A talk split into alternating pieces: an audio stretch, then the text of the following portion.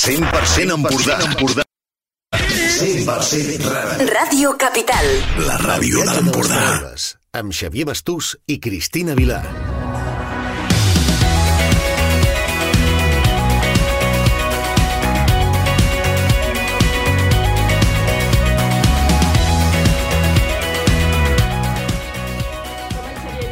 de la llibreria Agència de Viatges La Viatgeria, que forma part del primer poble de llibres de Catalunya.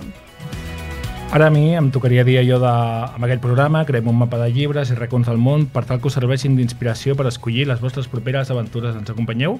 Però jo crec que avui això no toca. Avui no parlarem de viatges i bé, potser alguna cosa te direm, però avui, sent abril, ja parlarem de llibres, molt de llibres, i avui ens ajudaran uns convidats molt especials. Exacte, s'acosta Sant Jordi, així que avui farem un dels dos programes especials que eh, per aquesta època, per ajudar-vos a trobar el vostre llibre per regalar o per regalar-vos.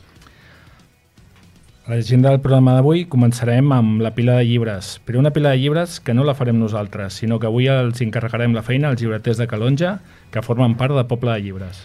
Després continuarem amb Mapa de, que també serà diferent en- avui. Avui viatjarem a aquells llocs on existeixen celebracions al voltant del llibre. Potser no tan maques com la que tenim a Sant Jordi, però també molt interessants. Segur que no són tan maques com les de Sant Jordi, Segur. Cristina. No, hi ha alguna que sí. I acabarem al Sense Destí, on parlarem, com no podia ser d'una altra forma, de Sant Jordi. Des de quan es celebra, per què i, sobretot, demostrarem que hi ha mites de la festa que són mentira. I avui no donarem pistes perquè el primer programa seguirem amb les recomanacions que ens han fet persones molt especials i que sorprendran a tots. Pila de llibres. Pila de llibres.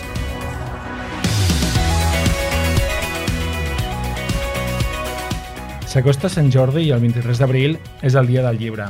Els pocs moments de l'any que la compra de llibres és popular i participa tothom. Per això volem que aquest i el següent programa siguin molt participatius, que les recomanacions les facin els nostres convidats. Volem arrencar amb els nostres companys llibreters i llibreteres de Calonja Poble de Llibres, perquè ens facin recomanacions, ens ajudin a fer una pila ben alta de llibres avui. A mi em fa, més, em fa especial il·lusió que, que ens acompanyin aquí a l'estudi perquè, i per aquells que no hagin sentit a parlar del projecte, Calonja es va convertir en poble de llibres ara fa quasi un any i mig.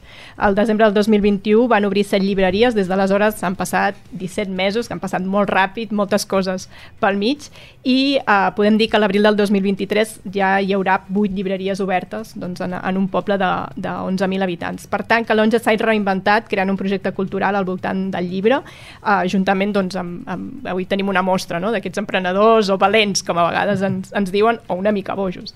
Així que Calonja ha plantejat un nou model que, a més a més, doncs, fa créixer l'economia comercial del poble. No només parlem de llibreria, sinó que també tenim una programació cultural durant tot l'any, presentacions de llibres, d'aquí poc experiències literàries i acabem de rodonir el projecte amb més coses. I al final Calonja busca consumidors de cultura, somia amb situar-se com un referent dintre de la cultura i dintre de la literatura a, a Catalunya. I un primer pas són, uh, són les llibreries, que cal seguir creixent, evidentment, i uh, ens s'acosta un Sant Jordi especial. Correcte. A Calonja Poble de Llibres farem no un Sant Jordi, farem un cap de setmana de Sant Jordi. Uh, digne segurament dels més grans, eh? Això amb modèstia, sense modèstia, però farem parades als carrers, roses, entitats dels pobles, signatures, concerts i moltes activitats culturals. Però millor que parlin els nostres convidats, que seran els protagonistes d'aquest cap de setmana a les llibreries de Calonja.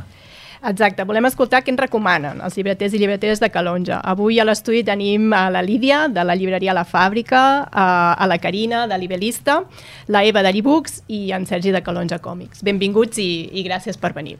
Gràcies a vosaltres. Um, quantes entrevistes porteu des de que vam començar? Moltes. Unes quantes, sí. Hi ha nervis encara o, sí. o ja... Sí? Jo sí. Sí? Ja, això no és cert. Abans venia a la tele allà apareixien i... Ah, no, però és que sempre tinc nervis. Sempre, no? Sempre tinc nervis. L'Eva és nerviosa de per si. I no sé si havíeu imaginat mai que un dia estaríeu a la vostra pròpia llibreria o treballant a una llibreria a un poble de llibres i al mig del Baix Empordà. Això us ho havíeu imaginat mai? No, no, no. no estava dintre els vostres plans, no? Doncs si no ho teníeu imaginat res de semblant, però Sergi, la veritat és que la teoria és ben xula, és una que està situada en un dels uh, edificis històrics del poble i que es diu Calonja Còmics. Llavors, amb aquest nom ja sabem on està situada i de què va, no, fàcil, no sí, enganya. No, no, ens vam, no ens vam trencar molt el, el cap, no. I aleshores, uh, per què vas obrir una llibreria a Calonja?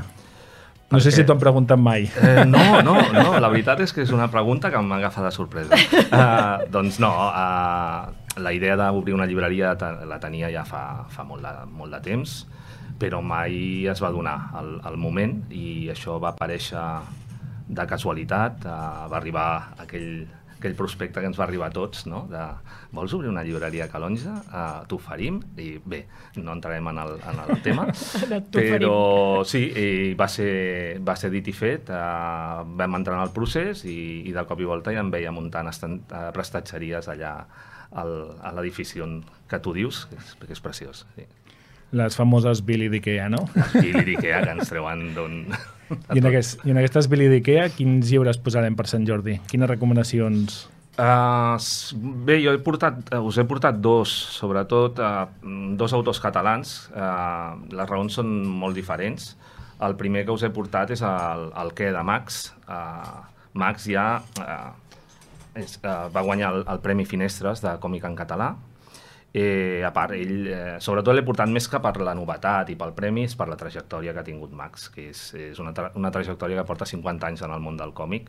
Va començar el 73, jo tenia 3 anyets, vull dir que jo no sabia ni que, ni que existia aleshores. I bé, ell va començar el Víbora amb personatges molt, molt entra... bueno, mm, que són, són mítics, com en Peter Pan o en Gustavo, que eren uns personatges molt, molt marcats, eh, que, eh, que tenien una personalitat molt, molt, molt contrastada. I aleshores la, la seva trajectòria, per això l'ha- portat a fer eh, coses molt més, molt més esquemàtiques. El dibuix és molt més simple, eh, té un, una austeritat visual que, que és, és molt sorprenent, molt simbòlic i amb aquest simbolisme aconsegueix explicar moltíssimes coses. No? I, i bé, eh, el que és és fantàstic perquè eh, et rius moltíssim ell tracta temes molt transcendentals però al fer-ho amb humor eh, ja no t'ho prens, ja, ja no dius això no és pedant, això és molt, molt divertit i, és, i, i el, si el veiéssiu, perquè a ràdio no ho puc ensenyar, és com un teatre gràfic. És una línia i el personatge és també una línia, perquè ell no vol, no vol fer personatges tan marcats com en Peter Pan o en Gustavo. No? Mm -hmm. Fa uns personatges molt, molt oberts perquè tothom s'hi pugui sentir identificat. Ens parlaves al principi de que és guanyador del primer Premi Finestres de còmic en català. Exacte, sí. Uh, tant l'editorial Finestres com Norma Editorial estan apostant pel còmic en català. Sí. Tu com a llibreter especialista en còmic, que... Sí, cada cop, cada cop estem notant, eh, bé, el de Finestres ha sigut una, una bona embranzida, Norma ja apostava, no amb molts títols, a través també del seu segell eh, Astronave, que, que és eh, dedicat més a, a infantil i juvenil, eh, però també Planeta, eh, determinats mangas que tenen molta sortida comercial, no ens enganyem. O sigui, el, el català surt quan hi ha un, un manga que estan fent l'anime al Super 3, doncs ja el pots tenir en català. Uh, però sí, cada cop s'està apostant més en català i hi ha moltes editorials que, que estan sorgint i estan fent coses molt, molt, molt interessants. Molt bé. I què més en recomanes? Volem més coses. Ens... Doncs mira, l'altre que recomano, aquest em fa molta il·lusió, perquè és, és un autor... Uh, bueno, jo jo, jo m'hi sento molt identificat, perquè bueno, va néixer només 4 anys abans que jo. És en... T'estàs delatant, eh? Ja amb Sí, m'estic ja. delantant, però bueno, és igual, no passa res. El pots ensenyar, eh? Que Sí, estàs a la... és, és en, en Jaime Martín. Uh, Jaime Martín va néixer a l'Hospitalet a l'any 66, ja situo uh, a, la, a la zona on va néixer. Uh, aquest com... Bé, dir que vindrà a signar a Sant Això, Jordi. això, això, no? per això també Sí, sí, sí. Uh, ens fa superil·lusió. Uh, en Jaime Martín va néixer a l'Extrarri de Barcelona i aquest còmic en concret, de fet la seva obra és molt realista i parla molt de, de fets viscuts tant d'ell com dels seus pares, dels seus avis, i aquest és una autobiografia. Des de que és, és jovenet, eh, agatxa tota l'època de la transició i com van viure la transició, com vam viure la transició els nens i els joves, no? Uh, les seves primeres aventures en el món de la música, els seus primers botellons, porrets, etc etc amb els seus amics de l'ànima, i com van creixent. El còmic va creixent, o sigui, va, vas veient la trajectòria vital de, d'ell eh, com s'interessa pel còmic, com comença a dibuixar, com els amics ja tenen parelles, com ell aconsegueix la parella. És, és eh, una història que ens hi podem sentir molt, molt, molt identificats i acaba el 2008 amb l'arribada de la crisi, com, com golpeja eh, molt fort amb ells i eh, al final hi ha un homenatge que no desvetllo, que és molt, molt emotiu i que fa caure llàgrimes i la veritat, eh, super content de que, de que, que pugui venir a, a signar amb nosaltres. Llavors, dia 22... Dia Jorge- 22, Jaime Martín. Jaime Martín. Cap a les 12 allà Perfecte. on, on, On ens col·loquin. On ens col·loquin, exacte. Perfecte. Queda anotat. Uh, seria una miqueta un Kiko Amat uh, novel·la gràfica, també parla d'extraradi i parlant de, tant els dos que tant el que com el del Jaime Martín Mm. i el que ens has presentat l'altre dia en el xerrem de llibres, que és una de les activitats que fem a Calonja, on fem més o menys el mateix que fem aquí, però amb una copa de vi i a la llibreria La Fàbrica, on els llibreters parlen de llibres I i, bé. qualsevol, i qualsevol que vingui també parlar de les lectures que està fent, ens vas recomanar Boomer. Sí. Llavors, jo veig molts llibres per, ja abans parlàvem de l'edat, per gent de més de 40 anys. Ja, torno a preguntar, ja ha marcat abans del català ara? Ja, és que el còmic és, és el de sempre, no? Entra molta gent dient jo no sóc de còmic i allò em pica molt. Quan entra algú que diu jo no sóc de còmic, l'enganxo per banda i surt amb un còmic sota la, la, la, el braç perquè hi ha, hi ha còmic per tothom des de nens de 3-4 anys a gent de, de 100 si els, sí, sobretot és temàtica i a part, i a part de la temàtica doncs, t'ha d'entrar al dibuix com està, com està fet, etc. Boomers que deies ara és, clar, és, un, és una novel·la gràfica que entra molt bé perquè és molt costumbrista i la gent que està a punt de jubilar-se eh, s'hi sent super identificada, super identificada. Fan mal, fan mal, no? Fa mal, fa mal, però alhora és, és molt xula. La veritat és que et, et dona molt bon rotllo. Fantàstic. Molt bé, doncs ara continuem amb, amb una llibreria, amb una llibreria que és musical. Exacte. Avui continuem amb la, amb la Lídia, per això sona, sona música, amb la llibreria La, la Fàbrica. Ella, um, ella d'alguna manera, tot i que és de la, una de les llibreries noves que tenim en el, en el projecte, ella ja estava des de Mhm. l'inici, no? Explica'ns, Lídia.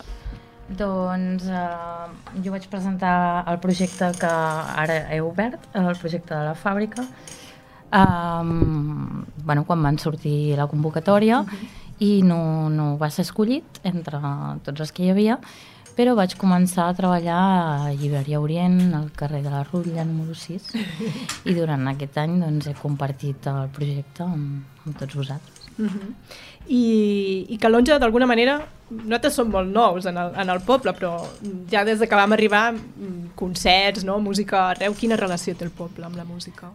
Bé, és un, és un poble que des de, des de fa molts anys, moltíssims anys, i hi ha hagut eh, tradició de músics, mm, per, començant per les, per les orquestres, no? Hi ha, mm, no sé si heu vist allà al centre que hi ha un, un dibuix molt gran de l'Arola on hi apareixen els músics de, del Coble.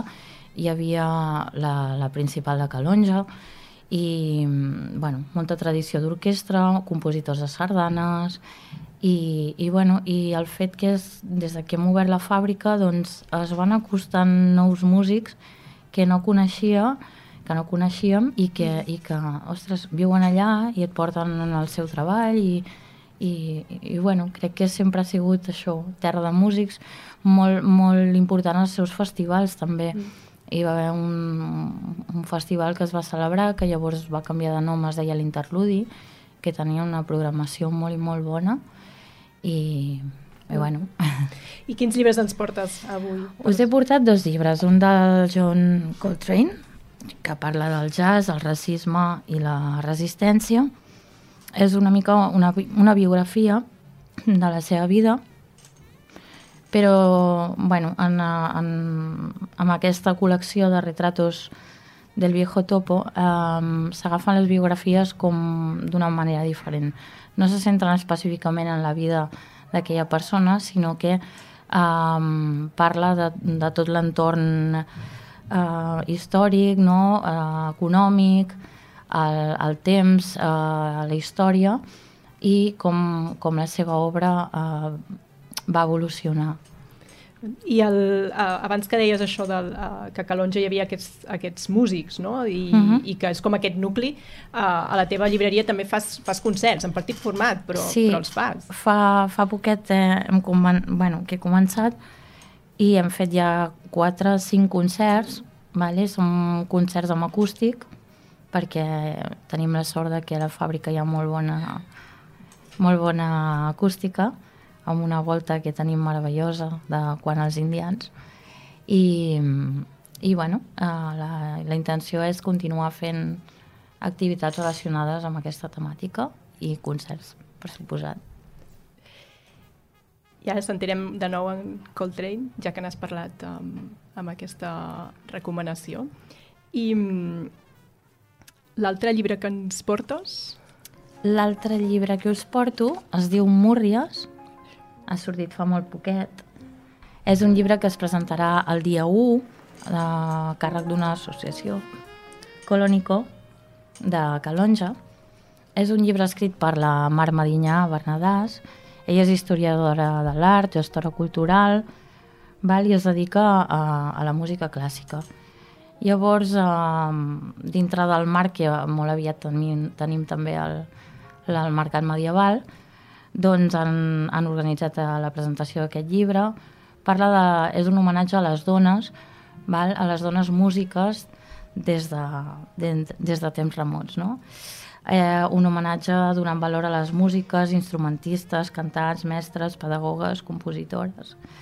Hi ha una part documentada en aquest llibre i hi ha una part imaginària que, que la Mar ha inventat, una amiga imaginària, val per, per, per fer seguir aquesta història. Si voleu venir el dia 1 d'abril, Vale, exacte, això, això. I tu ets cantant. jo soc cantant. Sí. I parles de dones uh, que canten, no? I a més tens algun projecte... Sí, Ah. vaig fer un projecte... Bueno, vaig fer un projecte uh, musicant poetes de l'Amèrica Llatina, Mm. de 20 dones de 20 països diferents, i ara estic preparant un altre projecte dedicat a les dones dins del món del bolero. Fantàstic. Ja sabem que els homes sempre han estat molt protagonistes, però també hi ha dones compositores i músiques que, que van fer molta feina. Fantàstic, doncs moltes gràcies. per Gràcies a vosaltres. Doncs ara acabem de parlar amb la propietària d'una de les llibreries més noves i passarem a parlar amb una de les llibreteres més noves de, del projecte. Parlem amb la Carina. Què tal, com estàs, Carina? Bé, Bé. aquí molt feliç de compartir amb vosaltres. Perfecte. Uh, tu estàs a la llibreria Libelista, enfront de la fàbrica, a la mateixa plaça. Uh -huh. I què és Libelista? Bueno, Libelista és per mi un descobriment perquè fa molt poquet que col·laboro amb, amb, amb aquesta um, xarxa de llibreries. Llavors la idea libelista es va originar com una cooperativa, com una, una unió de diferents llibreries que es van, es van eh, van crear lligams per eh, col·laborar, per ajudar-se, i això va desembocar pues, realment en un projecte on eh, es coordinen moltes llibreries i també es fa un esforç per, eh, per donar suport a llibreries noves, a, a llibreries que tenen ganes de eh, rebre tip, diferents tipus d'ajudes, diferents tipus d'assessorament. I també nosaltres eh, ens, ens agrada molt definir Libelista com un espai de trobada, com un espai d'acollida, eh, també de, de, de transmetre l'interès per, per eh, la renovació de la societat i llavors eh, això fa que, que nosaltres també col·laborem amb, amb biblioteques, amb instituts, per també eh, fer eh, promoció de llibres, per, per donar, donar ajudes amb llibres, etc. I bueno, una miqueta és la tasca que estem fent. Molt bé. Eh, Libelistes eh, va néixer no? com un projecte online. I, bueno, ara sou espai libelista. Uh -huh. Ara és espai libelista. Correcte, és el, la forma en tot el que has definit ara. Uh -huh. I quines propostes ens portes de libelista? Bueno, jo mm, porto dos propostes, o sigui, tenint en compte que uh, junt la llibreria Rals, de la Meritxell, uh, som les llibreries generalistes. Porto dos propostes, una que té molt a veure també amb la meva personalitat i una altra que té més a veure també amb un, amb un llibre eh, que arribi a un públic més general. El primer llibre, eh, i que també té molt aquesta essència de libelista, és un llibre escrit per la Margaret Atwood, que es diu Qüestiones candentes. Eh, bueno, en català, qüestiones eh, candents, Candents. però bueno, eh, en castellà seria qüestiones candentes. Llavors, la Margaret Atwood eh, realment és una senyora que té eh, actualment 84 anys, és, canad és canadenca, i llavors és, té una trajectòria realment espectacular. Vull dir, és poeta, novel·lista, crítica literària, professora, però té un component que és una activista canadenca molt important. Llavors ella, per exemple, és membre d'Amnistia Internacional i també és presidenta, per exemple, de, de BirdLife International, que és una organització en defensa de les aus. Llavors, aquest llibre és un recull de, eh, molt brillant, una col·lecció d'uns 60 assajos escrits per ella que van des de eh, parlar del, del, de, del deute públic, parlar, per exemple, de la pandèmia, parlar de eh, l'ascens de Donald Trump, això són temes potser una miqueta més internacionals, però també del conflicte amb la natura, d'aspectes del feminisme actualment, també, per exemple, fa uns, unes reflexions sobre els, els pros i contres de les xarxes socials. Llavors és una, és una persona molt brillant, també és una interlocutora incòmoda per a l'estament del poder, en certa manera, però eh, ens aporta realment un pensament molt interessant i sobretot dintre de, del moment actual contemporani que és eh, l'ecologisme, la cura de, del medi ambient com part estructural de les societats. Jo la coneixia ja en aquesta autora de Cuentos de criada uh -huh. o Mhm. Testamento i a mi m'agradava molt com escrivia i com expliques això és molt potent. Tu que Mm. estàs a una llibreria generalista, de, Mhm. estàs detectant que cada vegada més hi ha més dones, eh, més dones escriptores, més dones en els, en els jocs importants de les llistes de ventes? Veus que hi ha que una tendència que cada dia hi hagi més? Mira, jo m'agradaria més, si em permets, enfocar la idea de que la història la van escriure els homes. I Anem tant. a dir que la, la història de, de la humanitat està escrita per, pels homes i també pels guanyadors. Això què significa? Que n'hi ha tota una història que no ha transcendit potser fins ara, no? És la història pues, dels, de, de les nacions indígenes, la història de les repressions dels esclaus, les nacions que van donar els esclaus aquestes eh, cultures del primer món i també les dones formem part de eh, les vençudes, és a, és a dir, les dones hem estat eh, violades a les guerres, hem estat obligades a avortar, hem estat prostituïdes, hem estat sent, eh, sense educació en detriment dels homes. Llavors, cada vegada n'hi han més autores dones que estan escrivint i que estan donant també la seva percepció de la història, de la història de la humanitat des de la visió femenina. Això està fent... Nosaltres, per exemple, al Nivelista tenim una, sec una secció molt especialista en, en, en autores dones i amb tota aquesta visió contemporània del paper de la dona a la història, però no tan sols ara, sinó sempre.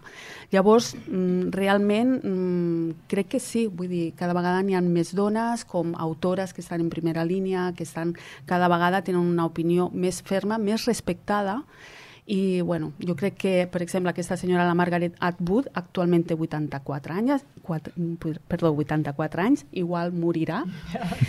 I jo crec que totes aquestes dones estem, i, i les que estem aquí, vull dir, en general estem donant un legado per un canvi. Molt bé. Bueno, cal dir que en aquest projecte som minoria els homes. El de Calonja Poble de Llibres, en Sergi i jo estem aquí.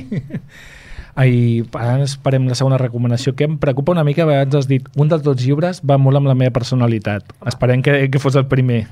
Eh, absolutament, absolutament és el primer. Ara, ara veureu per què el segon. Absolutament és el primer, però he de dir que jo em sento una dona molt universal i la part fosca jo crec Sempre que és, és, és. és molt important també acceptar-la i sobretot si una manera d'acceptar-la és escrivint. Jo crec que eh, jo que vinc del món de la salut, es diu sempre que els cirurgians, en el fons, estan, estan transformant el seu sadisme de manera positiva, no? perquè tallar un cos sí, sí. tampoc no, si tu penses, no és, no és gaire normal. No? I també els autors, pues, eh, en aquest cas, eh, aquesta novel·la que us ofereixo com d'una manera més per tots els públics, és, eh, és del Carles Porta, és, el, és aquesta saga, aquesta nissaga de diferents eh, títols que està englobats en el Crims, no? I, i bueno, eh, llavors aquest en concret el que us ofereixo ja és un llibre que ja està editat, és a dir, la primera edició va sortir a l'abril 2022, és tot el que llegireu és real, va ser el primer llibre d'aquesta nissaga dels crims, però ara s'ha fet la tercera edició i com interessant és que aporta un nou cas d'aquests interessants, a més que són verídics, és a dir, que la realitat moltes vegades supera la ficció. I, bueno, per qui una miqueta no coneixi la trajectòria del Carles Porta, el Carles Porta és periodista, director, productor, gui guionista. És un senyor que ha tingut ja diversos premis com a periodista i està desenvolupant dintre de Catalunya Ràdio i el TV3 aquesta, aquesta visió del que podria ser el periodisme literari, és a dir, aquesta, mm, aquesta investigació de, de, de la, dels aspectes de, de, de fosc, foscos de, de la societat, els crims, aquestes uh, situacions que ens passen, passen als nostres carrers, a les nostres ciutats, i ell, a més a més, eh, tot va començar el 2018 amb uns podcast, podcast perdó, i uh, va fer aquests llibres. Són llibres um, en el qual tots els casos són reals, i una cosa que crida molt l'atenció de la manera que el Carles porta tant com a periodista, com a escriptor, eh, ressalta, és perquè és una persona molt objectiva en el moment de, de transmetre la informació, és a dir, no, cra, no, cau, no cau ni en el drama, ni en la tragèdia, ni, ni ho minimitza, i això fa que moltes vegades quan llegeixes aquests llibres tu pots transportar-te d'una manera objectiva a eh, llegir tot el cas i també prendre les teves decisions sobre qui podria haver estat realment l'innocent i el culpable. No? Llavors és un... Bueno, és una novel·la negra que, que agrada, també és, és, és a Catalunya, no? que, que jo crec que ens apropa a, aquests, a aquestes situacions que també ens passen, i, eh, i a part, sobretot, eh, és molt equilibrada, vull dir, no, no entrem en un drama, sinó realment una visió molt, molt objectiva. Doncs moltes gràcies, Carina. Avui no entrarem amb el tema dels uh, autors mediàtics, ja que publiquen només per Sant Jordi, seria un altre meló que no obrirem, Exacte. però ara continuem amb... Anem cap als Gràcies. infantils, no? juvenils, que també és un públic que per Sant Jordi jo crec que, que tira molt, no? Tu, Eva, és de la, la llibreria Llibooks, de fet és veïna nostra, de la viatgeria, allà sí, al carrer, carrer de la, de la Rulla. Exacte. és una llibreria petitona, però té un espai màgic. Això explica com funciona. Mm. Doncs és una... Un espai secret allà. Sí, obres... té, té una lleixa, que és una, una lleixa que és una porta, en realitat i als nens els encanta. Quan em veuen obrir la porta... Bueno, els nens i no tant nens. Bueno, eh? els pares jo, jo també. sempre els com, dic que vagin a mirar. Oh, com Harry Potter. Oh, com... és com una porta màgica. I tu, tu arribes a, a Calonja venint d'una altra llibreria, també. O sigui, la teva sí. història és diferent. Tu ja eres uh, sí, llibretera. jo era, jo era llibretera. Feia molt poc que era llibretera. Vaig obrir el 2019 una llibreria especialitzada en infantil i juvenil a un barri de Sant Feliu de Guíxols val? i després, doncs, després de la, va començar aquella aventura abans de la pandèmia, que tot, des, des d'aleshores tot ha estat una aventura. Exacte, exacte. em vaig presentar projecte, una altra aventura, i, i bé, i hem arribat fins aquí. I, I què ens recomanes de que era a Sant Jordi per als, per als nens i nenes? A veure, eh, la meva temàtica eh, té una franja d'edat molt extensa, mm. val? i per fer dues recomanacions doncs he optat pels més petits, vale. perquè sempre es fan moltes recomanacions per eh, primers lectors, 8-9 anys o coses així, i jo avui he, he optat per per portar-vos dos llibres pels més petits de casa. Fantàstic. Val? Eh, aquest de... De qui és aquesta cua? Val? És un llibre sonor, val? està il·lustrat per la Emeline Barrera. Uh, la gràcia que té és que és de cartoner d'aquests durs, o sigui mm. que a partir de potser, no ho sé, mesos els hi pots explicar tu mateix i després quan comencen a, a remenar no hi ha problema perquè són molt consistents. Té uns colors supervius i unes il·lustracions planes que, que es, són molt identificables, tots els animals de, de en aquest cas, eh, la selva. I té unes petites cues aquí dalt de tot on les estires Posa, posa a prop del micro. i es, i es sent el so de cada animal. La gràcia està en que fa una, una petita referència a lo que, a lo que s'amaga darrere cada pàgina i a cada pàgina et fa la mateixa pregunta de qui és aquesta cua i descobreixes què hi ha darrere de cada plana. Aquí hi havia una serp, aquí hi ha un dofí... Vale, I aquests els hi encanta. Clar, si ens agraden els adults i tot, Bueno. em sembla. Eh? Sí, sí, no és pas una novetat, va sortir l'any passat, però no, em- no em cansaria mai de recomanar-lo perquè el trobo mm, que té molt de joc. Podeu practicar vocabulari, us surten molts animals diferents, és que és molt divertit. I has, has parlat de les edats, no? Que clar, la teva Exacte. llibreria va d'un rang molt, molt, molt Sí. ampli, però tu de com zero Clar. a 20 anys, perquè hi ha gent que li agrada molt la novel·la fantàstica, novel·la que és més considera que considerada juvenil, com a mi, per exemple. jo no tinc 20 anys, però m'encanta molt la, la novel·la fantàstica Mm. i, i això és el que agafa una franja d'edat molt, Clar. molt extensa. Llavors, potser d'aquests 20 anys, no? que dius, potser Sí. serà fins als 20 anys, Sí, van a les llibreries a partir dels... O sigui, tornen a la llibreria o a partir de quina edat, no? Potser tornen a demanar llibres, tornen a, a, a lectures d'adult, per exemple. Sí, no? Ha, No és com... hi ha una edat que els hi compren els pares i després Sí. ja desapareixen de les llibreries. Sí, a veure, uh, depèn de la família, sincerament, que hi ha molts nens que de- des de petits es venen i els pares els hi proposen escull el llibre que vulguis, val?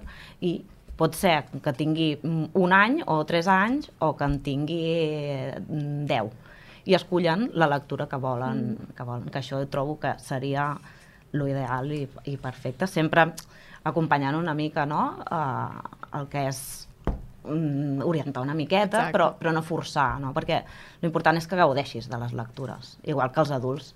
No ens comprem perquè un llibre perquè ens han dit, no, sincerament ens, ens el comprem perquè ens agrada, Mhm. ens ve de gust. Val? I això hauria que ser una de les bases no? de, de la de l'acompanyament en la lectura dels, dels infants i els, i els joves. I la, la segona recomanació que ens portes? Val, la segona recomanació, eh, us porto un, una novetat de, de Baula Editorial, que és un àlbum il·lustrat. Eh, jo el recomanaria perquè s'entengui bé i així a partir de 3 anys i mig, 4, depèn de, del nen, si té molta experiència, que li han explicat molts contes o no, però perquè entengui una mica com va la història. No és una història difícil, però sí que té un rerefons molt interessant, no? El, el, uh, la, l'escriptora és la Rachel Breed i l'il·lustrador és en Jim Field. Val? El dragó que es creia el millor. Val. El títol ja explica molt del que està passant aquí dins, no? Eh, res, és un dragó val? que té una, un caràcter molt potent, té molta autoestima, és... Mm, bueno, ell és el millor, ell... mm, Però clar, eh, se n'adona, eh, hi ha un gir, no?, que, se, que, se, que es don compte que potser eh, ha de donar més que d'una altra manera. Que no vull desvetllar No, no pots fer no vull desvetllar però, però és una història molt divertida on, on, on t'invita a, a ser respectuós encara que tu pots ser el millor. Clar. encara que tinguis un caràcter fort i que tinguis molt d'esperit eh, de respectar eh, els demés també. I si amb la literatura d'adults trobem modes, no?, de gent que llegeix ara, per exemple, l'autoficció, no?, doncs és com que està a moda. Sí. En literatura infantil i juvenil també trobem aquestes modes, entre cometes. Sí, hi ha moltíssimes, hi ha moltíssimes modes. Eh, ev- evidentment els, els clients, els meus clients són pares, educadors i tot això, eh, ells tenen unes modes. El que demanen als nens o el que els agrada és una altra moda a part. Val? No, no sempre va de la mà les, les modes que volem oferir als nostres fills i els que ells volen. Els nens, eh, tot el que sigui eh, llibres relacionats amb, amb xarxes o dibuixos animats o coses que veuen a la, això és el que els hi crida més l'atenció, coses més mediàtiques, perquè com que ho veuen per una altra banda, després es, ho busquen, no?, com amb els llibres. I els pares i els educadors, bueno, a vegades tiren més per coses més profundes o coses més emocionals o coses que es puguin... perquè que el llibre faci, serveixi per alguna cosa, no? I jo sempre intento que aquestes dos vessants acabin en un tipus de llibre que pugui funcionar per, per tots. És una feina molt bonica, aquesta, llibretera Sí. d'infantil, jo crec.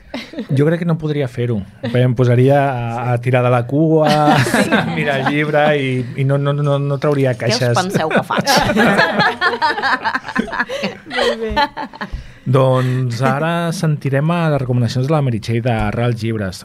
Tot i que no ha pogut venir, sí que ens ha volgut sumar en, la, en el dia d'avui gravant-nos uns talls de veu que escoltarem amb les seves recomanacions de Sant Jordi.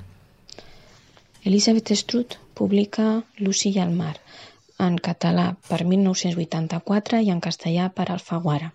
Es recupera un personatge ja present en quatre novel·les anteriors, la Lucy Barton.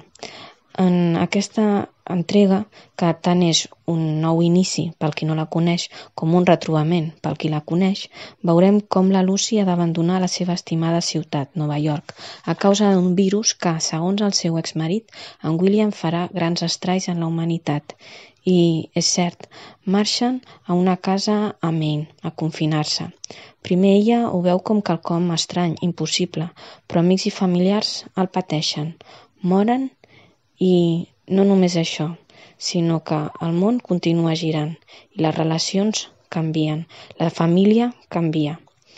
I ella es troba allà al mig, veient com va i ve aquest món estrany. Doncs una molt bona recomanació de la Meritxell que ens proposa submergir-nos en el món de la Lucy Barton i de la mà de la Elizabeth Stroud. Un món on tots trobarem identificats, sobretot això d'un virus que va fer marxar la gent de les ciutats, ens, ens sonarà molt. I ara seguim amb la seva segona recomanació. Us recomanem Una dona soltera, d'Edith Barton, editada dins la col·lecció de Petits Plaers de Viena Edicions i publicada originàriament l'any 1924. La seva protagonista, la Charlotte, va tenir una filla sense estar casada i aquest era el seu gran secret. Ara té l'oportunitat de l'amor, però hi ha de refusar per poder donar-li un futur a aquella nena, la Tina. Haurà de fer un pas al costat per deixar que la seva cosina sigui la seva mare i ella convertir-se en una vella conca. La seva condició de dona i sense recursos farà que la seva vida sigui molt diferent a la que ella havia somiat. Doncs la Meritxell ens acompanya amb aquesta segona recomanació amb uns petits plaers, que és una de les col·leccions que està tenint més èxit i estan recuperant grans obres de grans autors amb un format que es veu a les llibreries, que està col·locat estratègicament i que segurament serà un dels, dels més venuts per Sant Jordi. La majoria és, com m'ha explicat la Meritxell, drames, històries d'amor, triàngulos amorosos, que ja hi ha xitxa, hi ha històries i merders que explicar. Eh, és molt interessant tota la col·lecció en si, eh, especialment eh, aquests últims llibres o el que han tret ara de la Mercè, no, Mercè, d'Aurora Bertrana, perdó, i us recomano que a més són curtets, passen ràpid, és sempre una bona recomanació. I sobretot de, el que ha comentat la Meritxell, a mi m'agrada més el títol en castellà, que es diu La solterona, que ja et defineix més de, de què va. En aquesta última recomanació tanquem la megapila de llibres. Avui no és pila, avui és megapila en totes les recomanacions, recomanacions que tenim. I tu no en faràs cap. Mm, M'estic morint de ganes. Doncs vinga, va. Però les faré ràpid, perquè la veritat que hem ocupat bastant de temps i ha sigut molt interessant. Jo parlaré de viatges, sobretot d'un, del, del Xavier Aldecoa, al Quixota del Congo, publicat per Grup 62. Uh, Xavier Aldecoa és un periodista, eh, està des de fa 20 anys com a corresponsal a Àfrica, viu, em sembla, habitualment a Sud-àfrica, i és un viatge que hi fa a través del riu Congo. El riu Congo és l'eix vertebrador de tot un país, són 4.800 quilòmetres de, de riu que travessa, que el comerç es fa a través d'ell, la vida, tot. O sigui, el, en el Congo aquest riu és la, la clau, atravessa i connecta amb nou països diferents i ens explica totes les seves aventures que ha passat aquí, des de problemes amb, amb, amb bandits, amb bandolers, ha trobat gent meravellosa, ha trobat eh, fruites que aquí no existeixen i després ha trobat molts problemes que en el món dels occidentals no, no coneixem ni ens imaginem, com per exemple per anar a alguna part del Congo ell es va trobar que tenia que buscar mapes que no existien, que no estava cartografiada. Aquí no hi havia un Google Maps que li expliqués on anar i va tindre d'anar a buscar mapes de l'agència aèria francesa, els militars li van deixar a través de la llibreria Altair de Barcelona. Bueno, hi ha tota una història i sobretot ens, ens ensenya aquest món, que no està tan llunyà com és Àfrica, i ens descobreix eh, coses que a nosaltres ens sorprenen. I em deixes una segona, no? Tira, sí, Ai, sí. vaig, ràpid, les faig així a, en un tu. Uh, com sempre fem, intentem fer un viatge fora, lluny, a l'Àfrica, i sempre ens agrada parlar una mica de territori. En aquest cas parlarem de Xavier Fabrés, que ens, propos ens fa dues propostes. Xavier Fabrés és un especialista amb Josep Pla i un enamorat de l'Empordà. La proposta que ens fa ve de la mà de Editorial Calígraf i es diu L'Empordà per a mitòmans. Bàsicament ens parla de tota aquesta gent que ha passat per l'Empordà i que ha, ha marcat, ha marcat la, el, el territori, com poden ser l'Ava Gardner, el Truman Capote, també parla de Dalí i de molts altres que o no coneixíem o no coneixíem suficient.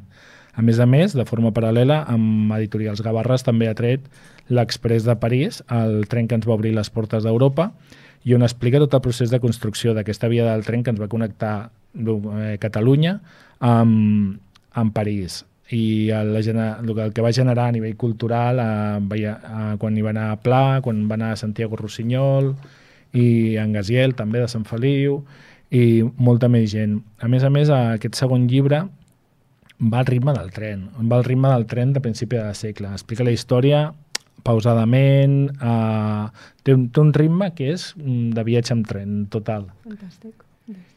Has vist, Cristina, al final no he fet dues, que n'he fet tres, que, que n'he colat dos amb en Xavier Fabrés. Exacte, però bueno, en Xavier Fabrés, si tot va bé, el dia 22 signant llibres. Esperem a, que sí. A, a Calonja. Aquest dia 22 22 d'abril, no? que tenim la, aquesta mega celebració de, de Sant Jordi a, a Poble de Llibres, que evidentment també allargarem fins al 23, farem, farem els dos dies. Quines activitats hi ha programades per, per aquest cap de setmana? Quedem al carrer? Estareu Estarem, en parada? farem parada. Farem parada. Farem parades, farem signatures, concerts... I, i què per a més? tots els públics. Sí, sí. Mm.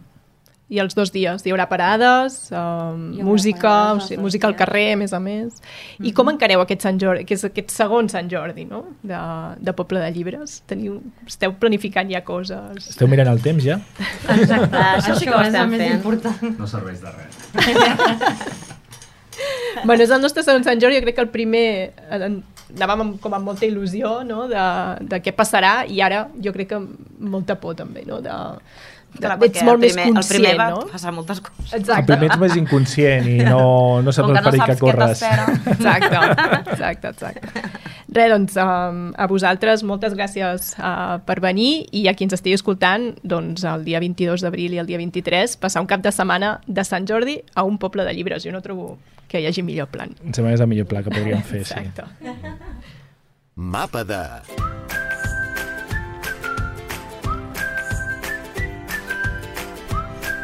Doncs a, a diferents de, a punts del món es celebra, uh, el 23 d'abril es celebra el Dia del Llibre i, i nosaltres a Catalunya celebrem com, com el, el, dia de, el dia de Sant Jordi i sempre doncs, arreu hi ha activitats al voltant de la lectura, signatures de llibres, presentacions, actes per fomentar la lectura i s'hi uneixen des de biblioteques, llibreries, el, el món de la cultura en general. Hi ha llocs que no el celebren el dia 23, que per exemple l'Argentina el celebra el 15 de juny, o al Regne Unit eh, el primer dijous de març i l'anomenen el World Book Day, que seria per ells, perquè el Dia Mundial en teoria és el 23, però per ells el 23 d'abril és el dia de Shakespeare. Llavors és, ten, fan aquesta, aquesta diferència. Però també he trobat que hi ha altres llocs del món que fan com petites celebracions, podríem dir. Jo crec que eh, per Nadal sempre surt que a Islàndia es regalen llibres el dia 24 perquè es passen el dia de Nadal llegint. L'anomenen una paraula molt complicada de llegir, però el Jolacoflot, algo semblant, que es traduiria com la inundació de llibres per, per Nadal. Però, de fet, és un mite. Com deies tu abans, Sant Jordi no? té, té molts mites també, uns al, quants. uns quants al, al darrere. És una idea molt romàntica, no?, que ens agrada escoltar. Ostres, el dia 24 els islandesos es regalen llibres i es passen el dia de Nadal llegint. Sí, ho fan, però hi ha una campanya de màrqueting al darrere i és que, eh, com saben que són novembre i desembre, són mesos que es consumeix, treuen moltes novetats, llavors sí, evidentment, segurament ells tenen hàbits de lectura, compren llibres, es regalen, però segurament no es passen el dia... Tothom no es passa el dia 25 de, de desembre llegint. El que pensant-ho bé seria una mica trist, no? Un dia Bueno, de Nadal no. només llegint, sense la família. Però pensa que allà fa molta fred, eh? Ah, bueno. O sigui que, que jo no trobo mal, un mal plan. I després a Noruega hem trobat que tenen el Pasquerrim, també fantàstic Correcte. per llegir, que és... Uh, ells llegeixen novel·la negra durant la Pasqua. Val? I llavors això també sembla el mateix. Ostres, doncs els noruecs es passen a la Pasqua llegint novel·la negra, a més a més, no? Uh, però tornem a estar allà mateix. Això es va iniciar per una campanya de màrqueting. Un senyor que treia, de l'editorial que treia un llibre va posar una notícia, entre cometes, falsa al, en el diari que havia passat alguna història xunga a Bergen. I, i el, um, i llavors el, tothom es va com espantar i es va com, com, com que volia saber què havia passat. No? I aquí es va iniciar, això va ser perquè aquest senyor treia un llibre. No? Llavors a partir d'aquí sembla que es va iniciar tota aquesta història que els noruecs llegeixen novel·la negra i la llegeixen per, per Pasqua. Que sí, que és quan tenen moltes vacances i evidentment també el fred fa que la gent doncs, es quedi tancada a casa um, llegint. I hi ha una altra cosa que és, aquí no he pogut contrastar si encara segueix fent, vale? és que uh, des d'Itàlia el que feia un editor uh, italià el, és que llogava un transatlàntic uh, una nau, i li deia la nau dels llibres, sortia d'un port d'Itàlia i se'n anaven el dia de Sant Jordi, el dia 23, fins a Barcelona a viure al Sant Jordi. S'emportava italians cap a, ca, cap allà. El- L'editor és en Sergio Auricchio, una cosa així, i, però sembla que es va fer durant uns anys, ara ja no, no he acabat de trobar... Italians que segueixen venint a Barcelona com fa No, bon això temps, sí. segueix passant, eh? Això, sí, això sí, però aquests venien perquè era, perquè era Sant Jordi. I després acabarem amb un festival que es fa a High on Wye, és un dels poble de llibre que està situat a, a Gales, és un dels més antics, i allà van començar fent un festival que era una mica la... volien com transformar el món, no? a través de la lectura, a través del cinema, del medi ambient, de la sostenibilitat, educació, art, i era la idea de per crear converses per, per canviar el món. I tot i que aquest festival va sorgir la, la, la idea d'allà, el, el, és, és, al final s'ha instaurat a diverses ciutats, però, però allà, si algú hi vol anar, el 25 de maig al 4 de juny eh, tindran aquest festival. Doncs haurem d'apuntar dates pel proper festival i muntar alguna calonja, no? muntem, un, muntem un autobús i ens en anem. Sí. Uh, pels que esteu escoltant, bueno, escoltant, veient per YouTube, ara estem penjant imatges de les diferents llibreries i on es veu. Les estava mirant ara mentre passava el vídeo i es veu fa un any, quan vam arrencar i estaven les llibreries a, amb quatre llibres. És, és molt curiós, si podeu, mireu i mireu el vídeo i després ens veniu a veure ara i veureu com està la cosa. Doncs abans hem dit que parlaríem de Sant Jordi. Pels llibreters són dies de molt estrès, molt moviment de caixes, eh, mal de caps, però no ens queixarem dels dies previs de Sant Jordi. Ara no és el moment.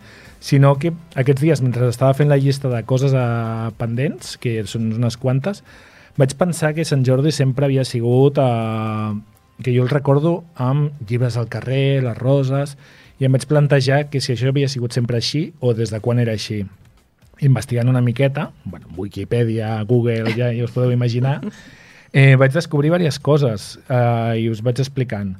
En principi, a Sant Jordi era una festa de Barcelona. A mitjans del segle XV, Sant Jordi es va instaurar eh, com a patró de Catalunya.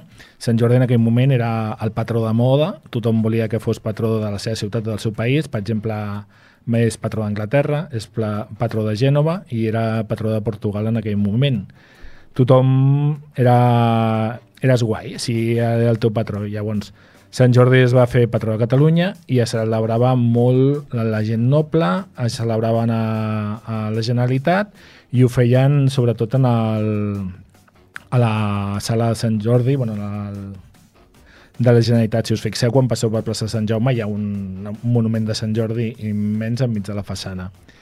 Poc a poc, eh, la Generalitat va anar perdent la seva importància, bàsicament perquè la Generalitat va, com a institució va anar desapareixent i eh, va anar passant aquesta festa al carrer i cada vegada era menys celebrada pels, pels nobles.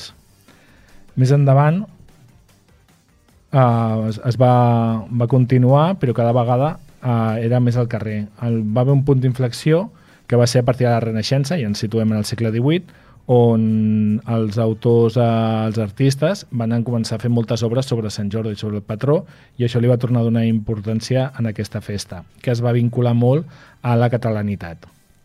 A, a més a més, a, aquest punt va ser un punt clau en el qual va, anar, va ser l'any 1840, que es van començar a fer una fira de roses i clavells al, a la, al carrer del Bisbe, just al costat de la, de la Generalitat què passava? Que en aquella època, a, principis d'abril, a finals d'abril, es juntaven les festes de primavera que es feien a Barcelona, aquesta festa de les roses, i a més a més es, es feia, o era època tradicional, on es casaven les parelles a principi de la primavera. Llavors es va trobar que era el moment en què es, es celebraven molts casaments i moltes parelles anaven en aquesta fira. I va passar, no sé si ho heu sentit algun cop, el tema de els catalans no celebrem Sant Valentí, sinó celebrem Sant Jordi, perquè en aquesta fira les parelles es regalaven roses i d'aquí surt el, la història de, de les roses. Uh, a partir d'aquí, aquella fira es va anar creixent, uh, us podeu imaginar un, un expo bodes de l'època, de, de vendre roses i clavells, d'anar totes les parelles joves allà, i es va celebrar sempre en les èpoques de Sant Jordi. Uh, llavors, el Sant Valentí sí que l'havíem celebrat fins a mitjans, fins al 1840, a partir d'aquella època iniciem la celebració més de, del Sant Jordi com a parelles. Doncs pues ja tenim Sant Jordi, tenim les roses i ens falten els llibres. Sí, els llibres vam trigar una miqueta a, a colar-ho. Cal dir que ens, ens hem d'esperar ja fins a l'any 1926, que en Vicente Clavel, un escriptor valen, valencià fincat a Barcelona i molt fan de Cervantes, proposa a la Cambra de Comerç del Llibre els hi planteja celebrar el 7 d'octubre com a data de, de naixement de Cervantes a una celebració de, pues, el que veiem ara, de treure els, els llibres del carrer i fer, i fer promoció de llibres. Què va passar?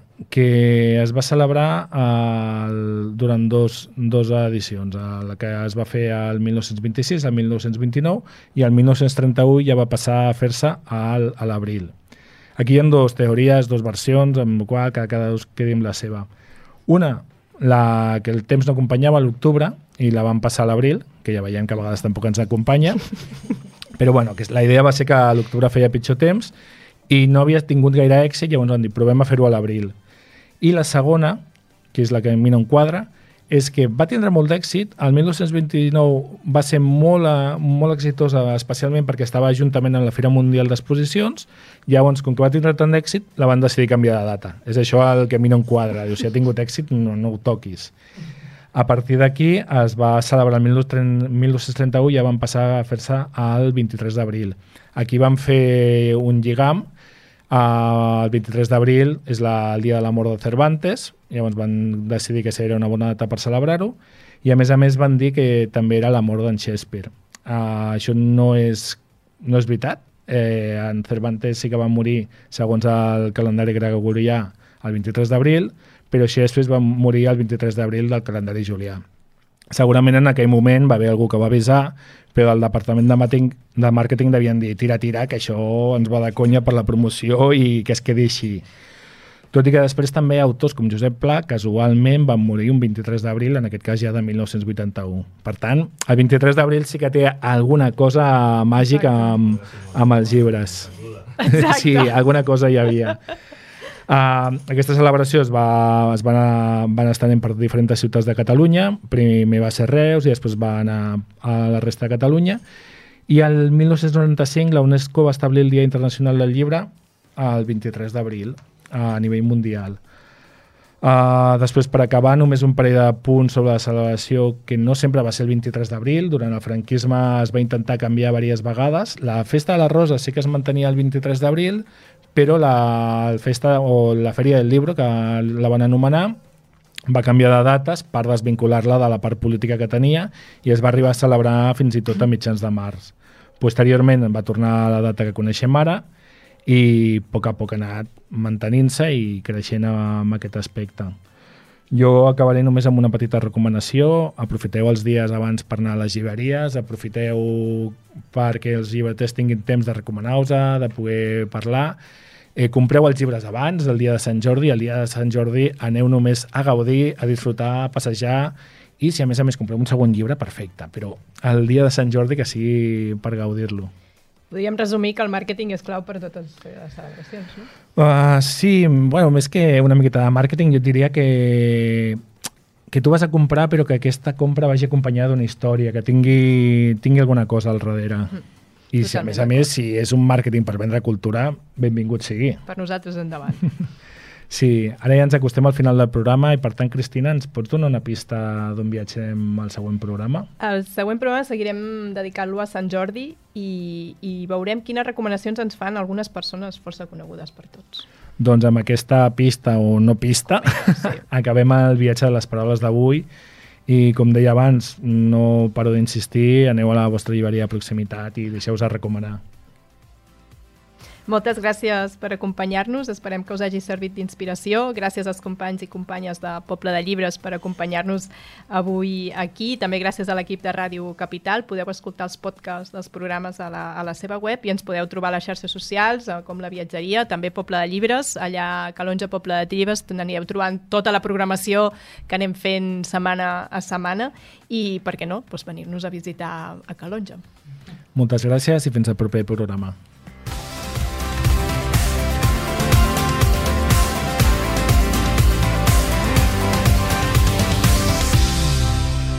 Viatja amb nosaltres sempre que vulguis a radiocapital.cat.